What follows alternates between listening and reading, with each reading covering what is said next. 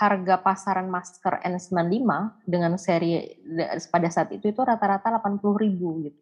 Sementara harga pengadaan yang dilakukan oleh sejumlah Pemkap tidak cuma saat itu Kota Jogja dan Bantul. Itu harganya N95 mencapai minimal 145.000 sampai 200 lebih sampai 210.000. Jadi bedanya banyak banget ya, eh, sampai dua kali lipat gitu.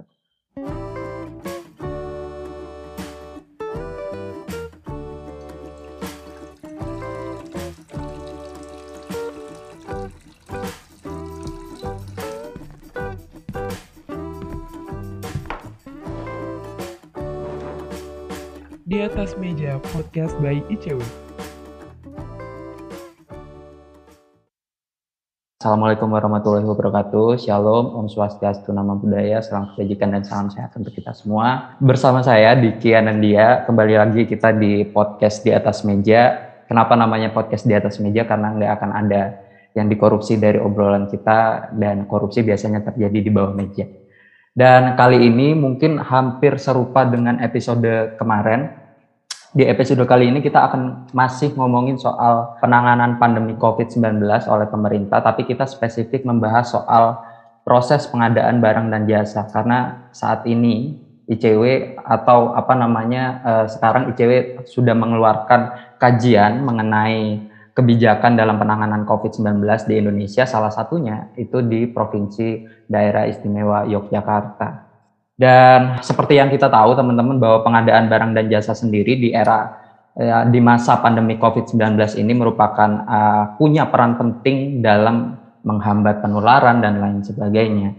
Dan tapi perlu dicatat bahwa proses pengadaan barang dan jasa itu masih menjadi uh, sektor yang uh, rawan dikorupsi karena berdasarkan data Indonesia Corruption Watch uh, pada 2016 sampai 2019 rata-rata sekitar 40% korupsi terjadi di sektor pengadaan barang dan jasa. Dan sekarang di episode kali ini kita akan mendengarkan langsung pemaparan dari mitra ICW di Yogyakarta terkait dengan pengadaan barang dan jasa untuk alat kesehatan COVID-19. Mungkin sebagai pemantik bisa diceritakan sedikit uh, Mbak terkait dengan apa namanya proses pengadaan barang dan jasa atau yang sedang diteliti oleh meet a tim di Yogyakarta itu seperti apa kondisinya? Oke, terima kasih Mas Diki pengantarnya. Um, sebenarnya saya berdua ya di Jogja itu ada dua gitu. Kajiannya 2000 untuk anggaran 2020 ya di awal-awal COVID dan dilakukan pada 2021 gitu. Uh, sampai 2002 awal kalau nggak salah.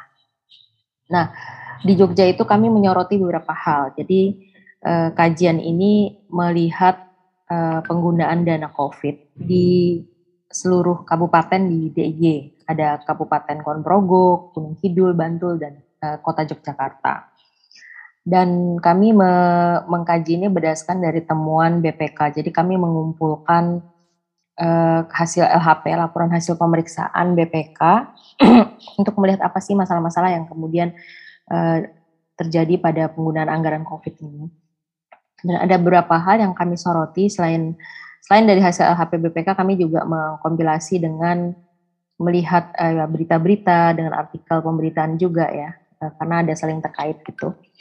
Dan dari temuan kami di Jogja itu ada dua hal yang kami soroti. Saat itu yaitu soal pengadaan barang dan jasa, misalnya pengadaan masker, pengadaan alat kesehatan, yang kedua itu bantuan sosial. Nah, kalau yang saya sebenarnya lebih fokusnya ke PPJ nih, Mas. Jadi kita mungkin lebih banyak ngomongin PPJ aja ya. Oke, kita akan ngomongin spesifik soal proses pengadaan barang dan jasa. Ya. Nah, dari di Jogja itu ternyata kami juga uh, kaget juga ya waktu pas mengumpulkan jadi kami mengumpulkan LHP BPK itu dari seluruh kabupaten. Ada yang kami minta lewat dewan gitu, ada juga yang kami minta aksesnya langsung ke BPK lewat uh, lewat email gitu. Dan ada beberapa yang jadi sorotan. Itu saya mencatat itu ada setidaknya ada tiga khususnya soal isu PBJ ini yang jadi temuan. Sebenarnya lebih dari tiga tapi yang agak menonjol itu tiga ini. Yang pertama itu soal banyak proyek-proyek di 2020 menggunakan dana COVID itu tanpa didukung dengan bukti kewajaran harga. Padahal dari pemerintah sebenarnya sudah mengeluarkan aturan bahwa uh, setiap pengadaan barang dan jasa uh, pada saat masa darurat, khususnya COVID itu ya kemarin, itu harusnya menggunakan bukti kewajaran harga. Jadi misalnya kalau pemerintah mau beli masker harganya per pieces misalnya 20 ribu misalnya, nah itu bukti kewajaran harganya seperti apa itu disediain penyedia. Misalnya apakah uh, harga bahan materialnya berapa, jasa kirimnya berapa, itu nanti ketemu harga wajarnya berapa, bisa keuntungannya berapa gitu. Nah ternyata dari proyek-proyek yang kami uh, sorok, temukan di uh, hasil pemeriksaan itu banyak yang tanpa bukti pengadaan harga. Kalau kami mencatat itu totalnya itu ada sekitar nilainya yang tidak ada bukti pajanan harga itu mencapai 33,9 hampir 34 miliar. Nah, ini melibatkan lebih eh, melibatkan sekitar 26 penyedia dan dengan total 202 pengadaan. Kemudian yang kasus kedua yang menjadi sorotan itu adalah dugaan penggelembungan harga, harga masker N95. Jadi kami menemukan LHP BPK pengadaannya berapa per pieces dan kemudian kami bandingkan dengan berita-berita dan dokumen-dokumen lain misalnya artikel pada pada periode yang sama itu harga masker saat itu berapa. Ternyata ada dugaan penggelembungan harga yang kami temukan.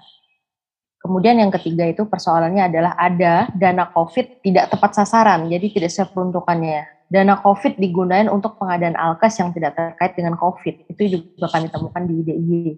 Kira-kira itu mas, tiga hal utama yang jadi temuan. Mungkin detailnya nanti kita bisa diskusikan lagi. Ya, oke. Okay. Ada beberapa penyedia dengan total nilai 34 miliar uh, proyek yang tidak dapat menunjukkan atau melampirkan bukti kewajaran harga. Terus ada dugaan soal markup tadi dan sebenarnya ini saling berkelindan ya Mbak. Kalau si penyedia kemudian dia tidak bisa menunjukkan bukti kewajaran harga, maka akan diduga uh, harga yang tertera dalam uh, apa namanya yang dia tawarkan itu di markup gitu karena dia nggak bisa menunjukkan kewajaran harga tadi. Dan sebenarnya kalau kita mengacu di peraturan LKPP nomor 3 tahun 2020 uh, salah satu pasal dalam peraturan tersebut menegaskan bahwa si penyedia itu wajib untuk menunjukkan kewajaran harga dan dari situ pun si penyedia bahkan uh, apa namanya sudah menyalahi aturan dalam peraturan LKPP tadi.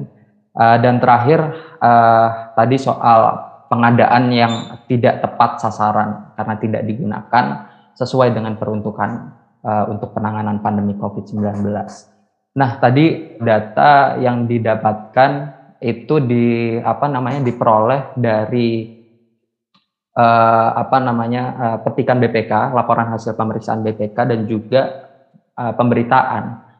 Uh, tapi pasti ada kejanggalan awalnya uh, yang ditemukan oleh tim di Jogja kan. Bisa diceritakan nggak terkait dengan uh, kejanggalannya?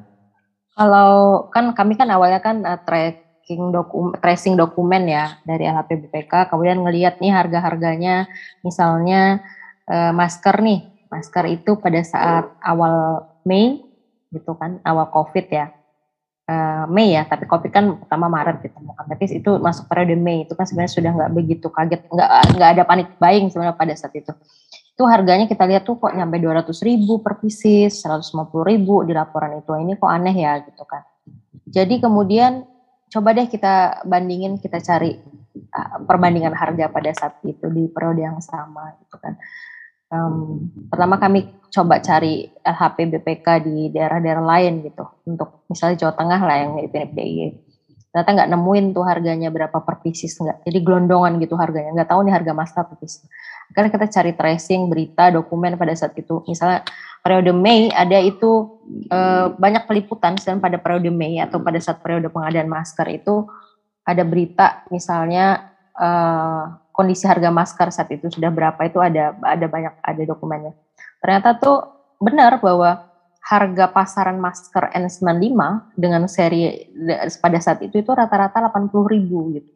Sementara harga pengadaan yang dilakukan oleh sejumlah pemkap tidak cuma saat itu kota Jogja dan Bantul itu harganya N95 mencapai minimal 145 ribu sampai 200 lebih sampai 210 ribu jadi bedanya banyak banget ya, uh, sampai dua kali lipat gitu. Uh, apa harganya? Jadi ini yang kemudian janggal. Padahal diberitain pada saat itu sebenarnya harga masker pada saat periode Mei Juni itu turun pada saat itu. Enggak enggak kayak awal yang pas Maret itu kan uh, orang panik buying jadi tinggi banget uh, permintaan masker kemudian harganya melejit pada saat pada saat berita itu sebenarnya harga saat itu sebenarnya cenderung turun. Tapi kemudian pengadaan pada saat itu justru harganya tuh tinggi. Dan mestinya kan kalau pemerintah kan dia belinya banyak. Jadi berapa ribu pieces gitu kan. Mestinya kan harganya jauh lebih murah gitu kan.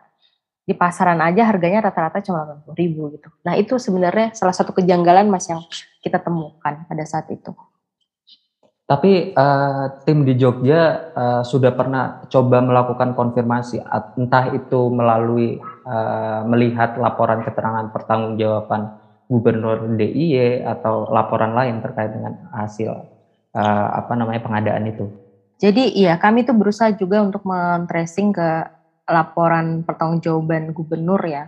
Eh, kami sebenarnya sudah meminta laporan pertanggungjawaban. Pertama kan kami cek di web, kemudian kami juga minta tanya itu ternyata mereka tidak mengeluarkan secara detail.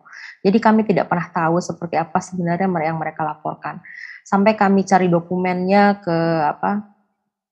Uh, jadi LPJ-nya itu yang disampaikan di web yang harusnya tuh diamanahkan sebenarnya LPJ itu kan harusnya disampaikan ke publik. Itu cuman laporan narasi, laporan anggaran itu kalau nggak salah cuman umum-umum gelondongan. Misalnya dinas PU berapa, misalnya dinas ini berapa, nggak ada detail apalagi sampai harga masker per pieces.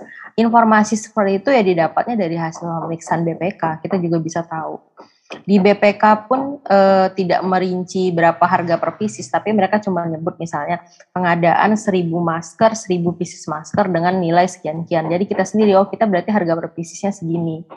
Kita kita kita kalkulasi sendiri gitu. Jadi sebenarnya daerah itu tidak tidak setransparan seperti yang kita bayangkan, apalagi untuk soal detail. Apalagi itu anggaran yang e, kategori tidak terduga ya jadi, nah yang namanya anggaran tidak terduga itu ya ter, mau belanjanya seperti apa kita juga nggak. Nggak ada di lelang. Kalau kalau anggaran biasa kan ada tuh di lelang kayak dana-dana tidak terduga itu dan sangat rawan diselewengkan sebenarnya kalau karena karena memang tidak bisa transparan ya. Iya, berarti memang dalam laporan keterangan pertanggungjawaban Gubernur DIY, teman-teman di tim pemantau di Yogyakarta itu tidak bisa menemukan laporan pertanggungjawaban spesifik di sektor kesehatan ya? Iya, kami tidak menemukan apakah itu dilaporkan atau tidak, kami tidak tahu. Tapi di di laporan pertanggungjawaban yang kemudian diunggah di dinas uh, di terkait ya, itu nggak ada laporan yang detail. Misal itu kan misal di lembaganya misalnya itu kalau nggak salah uh, eh, BPBD ya biasa yang nanganin atau Satgas Covid itu nggak ada.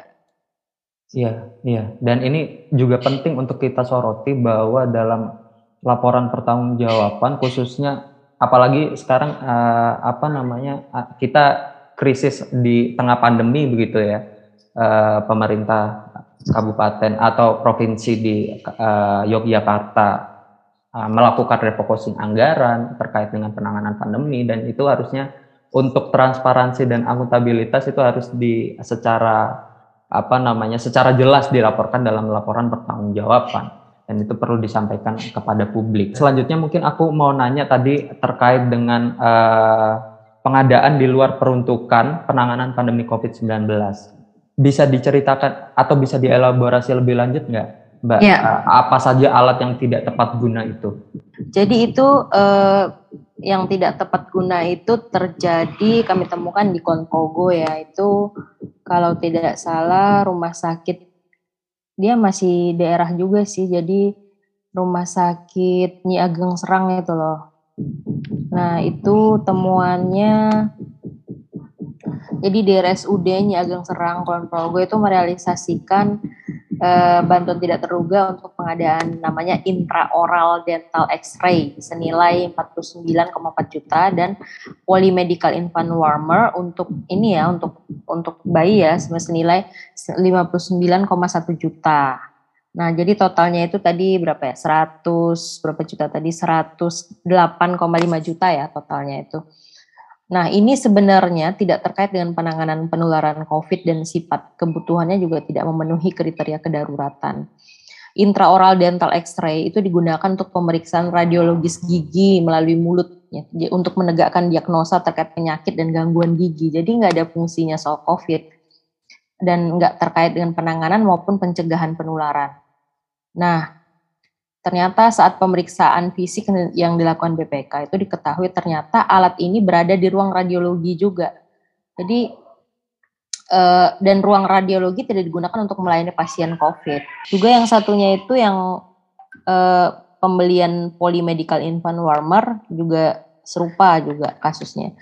Dan ini kan alat ini kan berfungsi untuk menghangatkan bayi sebenarnya untuk mencegah bayi mengalami hipotermia ya. Dan nggak ada kaitannya dengan COVID. Dan alat tersebut juga ditempatkan di bangsal yang memang merawat ibu dan anak dan bukan berstatus COVID bukan pasien pasien COVID gitu. Karena itu jelas-jelas ini alat belanja-belanja ini tidak menggunakan dana COVID tapi tidak sesuai peruntukannya gitu. Jadi tidak tepat sasaran. Itu Mas mungkin ceritanya yang tidak sesuai tidak tidak tepat sasaran itu. Dan itu banyak terjadi Mbak Mbak uh, dan apa namanya tim pemantau di Jogja itu pernah melakukan konfirmasi langsung ke lapangan atau uh, hanya apa namanya hanya berdasarkan pemberitaan aja? Bukan pemberitaan ini temu ini dokumen resmi temuan BPK oh, ya. Iya, Jadi iya. ini sudah kuat gitu, tidak sekedar rumor. Jadi memang sudah terkonfirmasi. Dan BPK juga memberikan semacam ini ya diminta memberikan teguran atau apa kan ada biasanya kalau laporan BPK kan ada tindak lanjut. Iya, rekomendasi. Dan ini iya rekomendasi dan ini bukan bukan hoax Eh, dan faktanya sudah jelas gitu. Dan dari rekomendasi BPK itu uh, apa apa namanya? Apakah itu kemudian dijalankan oleh uh, pemerintah, Mbak Bekti? Nah, kami belum update lagi Mas karena kan kemarin kan kami cuma mengupdate dari cuma mengumpulkan teman-teman yang memang penyalahgunaan anggaran dan semacamnya yang terjadi semasa pandemi ya dengan dana Covid. Jadi tidak lebih pada kemudian pakai itu ditindaklanjuti kami belum update lagi sih soal itu. Iya, uh, oke. Okay. Terima kasih, Mbak. Dan ini mungkin uh, penting ya untuk teman-teman uh, apa namanya kita awasi bersama apakah kemudian uh, ya meskipun uh, apa namanya pengadaan itu terjadi di tahun 2020, tapi kita juga patut untuk me, uh, apa namanya mendorong pertanggungjawaban dari pemerintah terkait dengan penanganan uh, proses penanganan pandemi ini supaya kemudian tidak terjadi kecurangan uh, dan celah dan membuka celah tindak pidana korupsi. Terima kasih Mbak sekali lagi. Tapi uh, apa namanya mungkin ini agak lompat-lompat ya Mbak. Tapi aku mau nanya tadi soal besaran dugaan kelebihan bayar harga yang berpotensi membuka celah korupsi tadi pengadaan masker N95 pada bulan Juni dengan harga berbeda sebanyak 6.100 masker. Ini yang harga 210.000 ada 6.100 dengan total biaya 1,2 miliar. Sedangkan sebanyak 300 pieces masker dibeli seharga 209.000. Jadi 6.100 tambah 300, 6.400 dari harga 80.000 menjadi harga 210.000 di satu RSUD yang RSUD lainnya juga ada. Ini cuma satu satu instansi. Yang di RSUD kota itu juga ada. Dari RSUD kota itu maskernya itu dibeli seharga 145 hingga 150 ribu dengan jumlah berapa ini ya? Oh ini nggak ada keterangan uh, bisnisnya belum saya lampirin ya ada berapa. Tapi yang jelas yang udah pasti kita ketahuin itu yang tadi yang ada 6.400 masker dari yang dibeli di RSUD Bantul itu. Bantul, ya. Ya. Dan itu selisihnya cukup jauh ya. Cukup jauh dari 80 ribu ke 210 ribu. Nah ini ini lagi mungkin kita penting untuk tekankan bahwa uh, banyak faktor yang menyebabkan terjadinya korupsi di sektor pengadaan gitu ya. Uh, dan uh, faktor penting yang tidak uh, tidak kemudian bisa kita abaikan adalah masih kurangnya transparan dan uh, transparan soal informasi pengadaan dan partisipasi publik gitu ya dalam uh, proses pengawasan pengadaan barang dan jasa.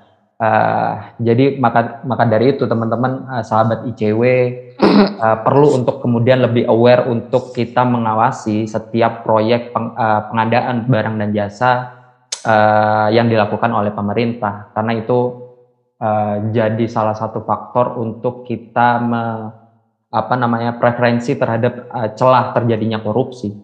Tadi aku uh, penasaran ya dari sekian uh, temuan yang disampaikan oleh tim pemantau di Yogyakarta uh, apa namanya soal proses pengadaan yang demikian itu kondisi penanganan COVID-19 di Yogyakarta itu seperti apa? Kalau sekarang sih mungkin semuanya sama ya, sudah lumayan melandai gitu. Tapi di Jogja itu sebenarnya dengan kondisi yang anggaran seperti ini tidak menjamin juga penanganan COVID-nya tuh bagus banget. Jogja itu pernah menjadi sorotan loh dan sampai sekarang pada saat yang lain level 1 Jogja itu sampai hari ini per hari ini tuh masih level 2. Coba pemerintah sudah ber, sudah berencana untuk menghapus PPKM di Jogja itu masih level 2 sampai sekarang. E, memang kasusnya melandai turun tapi masih ada kematian Kemudian pada saat awal dulu uh, kondisinya lebih jauh lebih menyeramkan.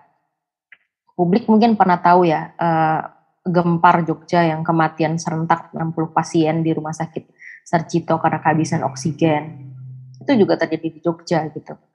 Dan kematiannya itu sangat lumayan cukup tinggi ya. Uh, dan sampai per hari ini itu sudah lima totalnya dari awal pandemi sampai sekarang itu sudah 5.000 lebih hampir 6.000 orang yang yang meninggal karena COVID itu jumlah yang 5.000 eh, lebih itu khusus yang memang sudah positif, sudah sudah sudah sudah terkonfirmasi positif.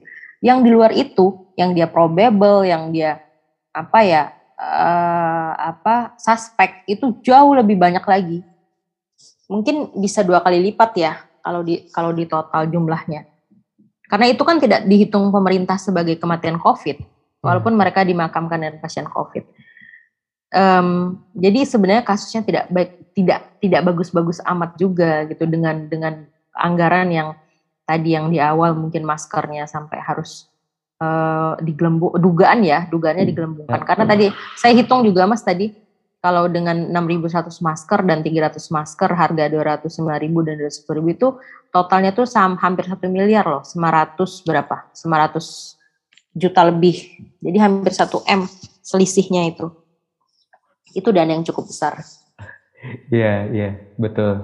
Dan itu sebenarnya apa namanya uh, kondisi yang tadi uh, tim pemantau sampaikan bahwa di Jogja sampai sekarang itu masih uh, PPKM uh, level 2 itu sebenarnya bisa kita cegah uh, apabila kemudian pemerintah bisa uh, sigap gitu ya dalam penanganan COVID-19 gitu. Terus uh, apa namanya? Terakhir aku mau nanya soal apakah ada dampak yang signifikan antara dugaan pelanggaran proses pengadaan barang dan jasa COVID-19 yang tadi diceritakan oleh tim pemantau dengan penanganan pandemi di Yogyakarta. Kalau uh, dampak nyata yang mungkin kita tidak bisa lihat di secara kasat mata ya. Maksudnya kita mungkin uh, yang bisa kita lihat kasat mata itu ya memang misalnya kasusnya masih tinggi, levelnya masih level 2 uh, kasusnya sih sudah melandai tapi sudah level 2 kemudian pernah ada kasus kematian yang serentak yang uh, kekurangan tempat tidur dan macam-macam. Uh, kita tidak bisa memang tidak bisa menyimpulkan bahwa apakah itu terkait dengan pengelolaan anggaran atau tidak. Atau kita tidak bisa menyimpulkan seperti itu ya karena memang kita tidak meneliti soal itu. Apakah itu karena mungkin terkait salah manajemen kita juga tidak tahu. Tapi yang jelas dengan ada temuan-temuan itu, temuan-temuan yang dilakukan itu sebenarnya berdampak. Dampak dampak korupsi ini ya tidak terasa dalam jangka pendek gitu. Jadi mungkin orang nggak sadar. Misalnya eh, BPJ tanpa disertai bukti kewajaran harga. Ini kan sebenarnya nggak cuma masalah administratif, tapi juga berpotensi merugikan keuangan negara kan. Sebab modus-modus seperti penggelembungan harga itu sangat mungkin terjadi. Dan nyatanya memang ada pada temuan kedua kami temukan ada dugaan penggelembungan harga. Nah, tentunya kondisi ini jauh dari prinsip-prinsip pengadaan yang transparan, bersih maupun akuntabel. Kemudian pada kasus belanja yang tidak tepat sasaran, karena bukan digunakan untuk penanganan COVID, juga jelas ini dampaknya pemborosan anggaran dan dan dapat dianggap sebagai penyalahgunaan anggaran. Dan tentu lebih jauh ini merugikan masyarakat. Mungkin secara langsung masyarakat nggak tahu, tapi mereka nggak sadar juga. Seandainya misalnya anggaran-anggaran itu, anggaran yang tidak tepat sasaran itu dialihkan untuk yang lain, pemulihan ekonomi, atau misalnya penanganan COVID yang lain, bisa pengadaan oksigen atau pengadaan apa, pengadaan alat di ruang ICU, alat di ruang kritis gitu kan juga lebih baik. daripada misalnya tidak tepat sasaran atau justru pemborosan atau mungkin juga mungkin dugaannya korupsi itu sih mas mungkin dampak lebih jauh yang uh, korupsi itu memang nggak terasa lebih tidak terasa cepat sih masyarakat tidak menyadari tapi dampaknya kan sistemik ya betul ya, ya. Iya, maka dari itu uh, mungkin ya uh, apa namanya dari hasil temuan tim pemantau di Yogyakarta ini mungkin bisa dijadikan sebagai bahan untuk evaluasi untuk kemudian tata kelola pemerintahan uh, di Yogyakarta itu bisa uh, semakin transparan, bersih dan akuntabel. Dan penting juga untuk teman-teman pendengar, sahabat ICW semua, uh, untuk kita sama-sama melakukan mengawasi lah, mengawasi uh, apa namanya setiap kebijakan, setiap uh, apa namanya, ya pada intinya soal kebijakan pemerintah ya. Apakah itu kemudian sesuai dengan tadi prinsip transparan, bersih dan akuntabel yang diceritakan oleh tim pemantau. Uh, itu terima kasih sekali lagi tim pemantau dari Jogja tadi sudah cerita banyak soal uh, situasi penanganan pandemi COVID-19 di uh, Provinsi Jogja spesifik terkait dengan proses pengadaan barang dan jasa untuk alat kesehatan uh, dan teman-teman semua yang ingin belajar anti korupsi teman-teman bisa langsung akses di akademi.antikorupsi.org. Sekian teman-teman semua. Uh, saya akhiri episode kali ini. Kita bertemu lagi di episode lainnya. Wassalamualaikum warahmatullahi wabarakatuh. Salam sehat untuk semua.